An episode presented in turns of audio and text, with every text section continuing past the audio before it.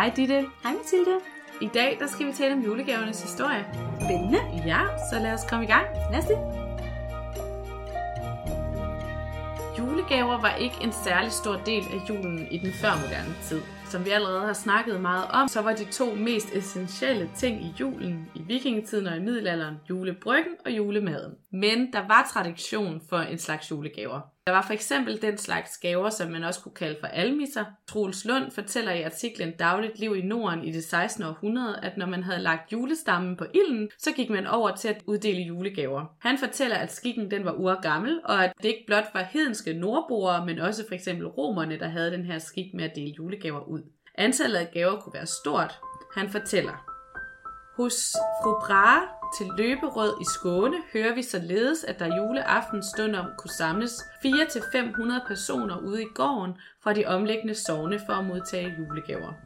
Det har været noget, man gav til det omkringliggende samfund i anledning af julen. Der var også en tradition i førmoderne tid for, at man sendte julegaver til øvrighedspersoner, som man havde været i kontakt med i årets løb. Altså for eksempel en politibetjent eller en foged, sådan for at tak for deres hjælp. Gaverne kunne være øl, mjøde og lys.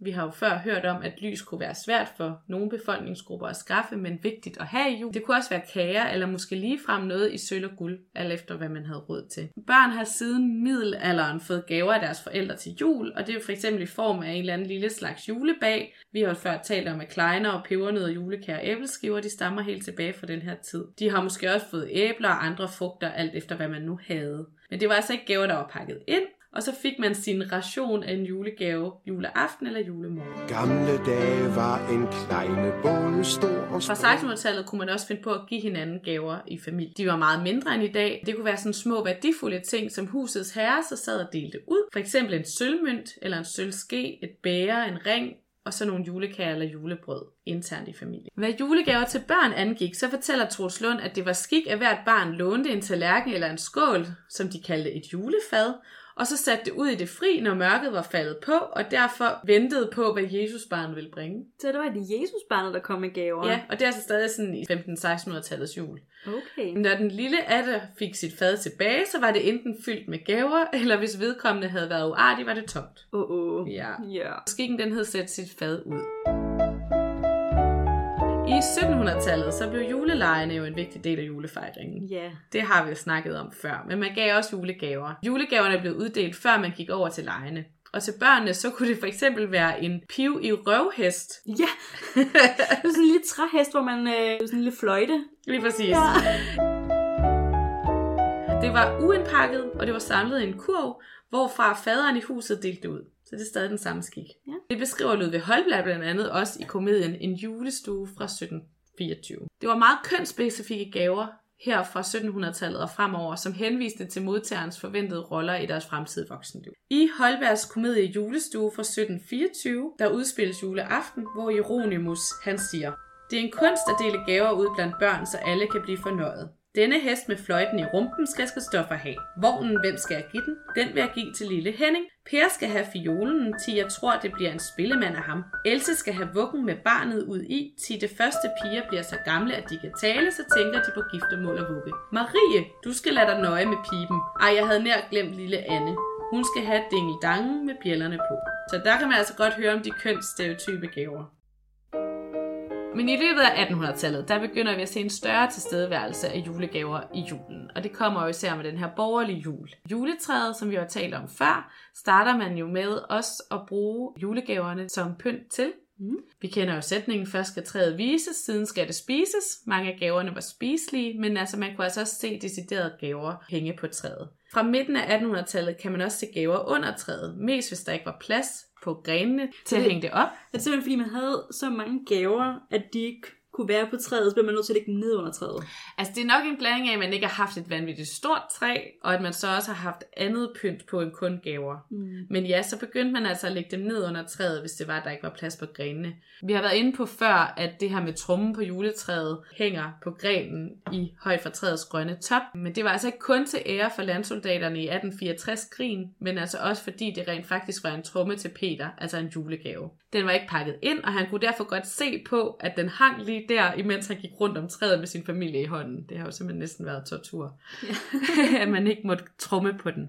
Det er også øh, fra midten af 1800-tallet, at man begynder at se børn give de voksne hjemmelavede gaver, en lille pibesnor med perler til sin far eller lignende. Den almindelige gængse befolkning fik ikke rigtig julegaver før langt ind i 1800-tallet, nogen endnu senere. Det kan læses i fortællinger fra midten af 1800-tallet, at byens fattigste folk var heldige, hvis børnene fik en kludedukke, eller de voksne fik nogle ristede æbler. Det er bare også lige for at slå det fast, at alle de her trommer og store juletræer og sådan noget, det var den borgerlige klasse deroppe efter, at det var en ting for i 1800-tallet.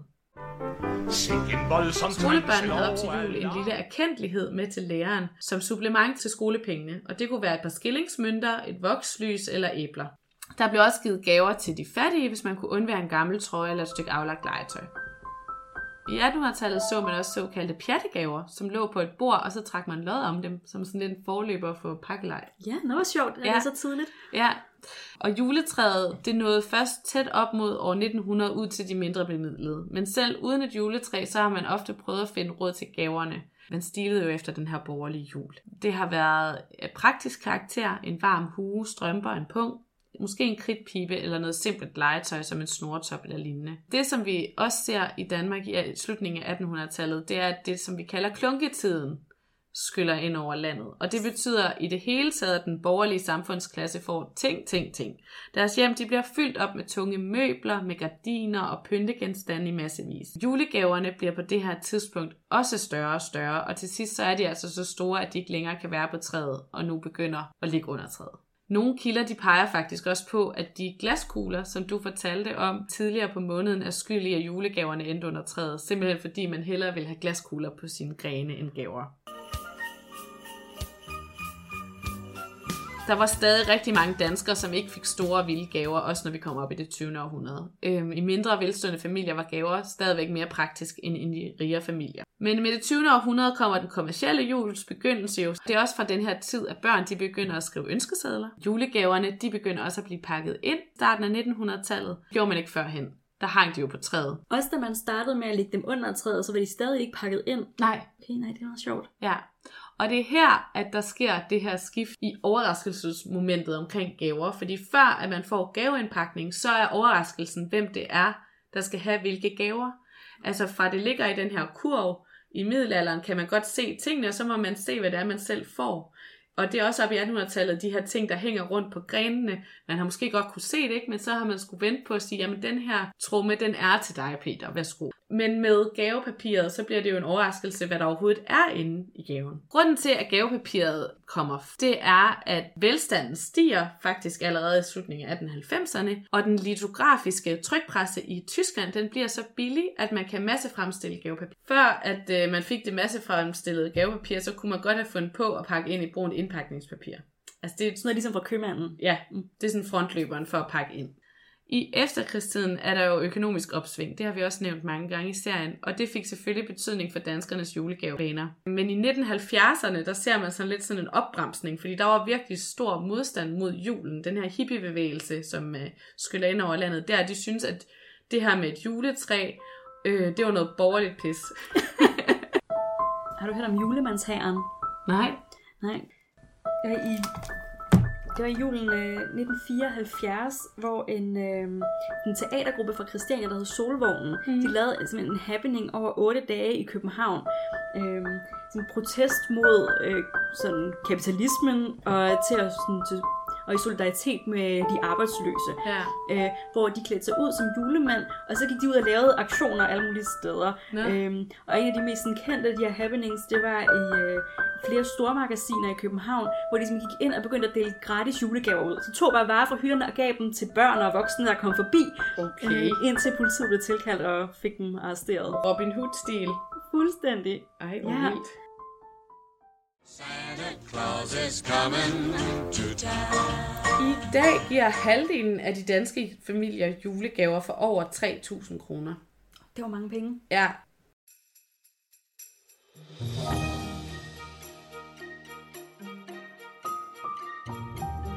Det var virkelig spændende at høre om, øh, om alle de her gaver. Og mange af de ting, du snakker om i det her afsnit, det kommer vi faktisk til at tale meget mere om i morgen. For jeg vil gerne tale om velgørenhed og det at hjælpe de mindre bemidlede mm. i afsnittet i morgen. Og det har du allerede snakket lidt om, at det var sådan julegaverne startede. ja det går faktisk meget godt i hånd med, med dagens afsnit. Jeg glæder mig til at høre mere i morgen så. Vi ses i morgen. Det gør vi.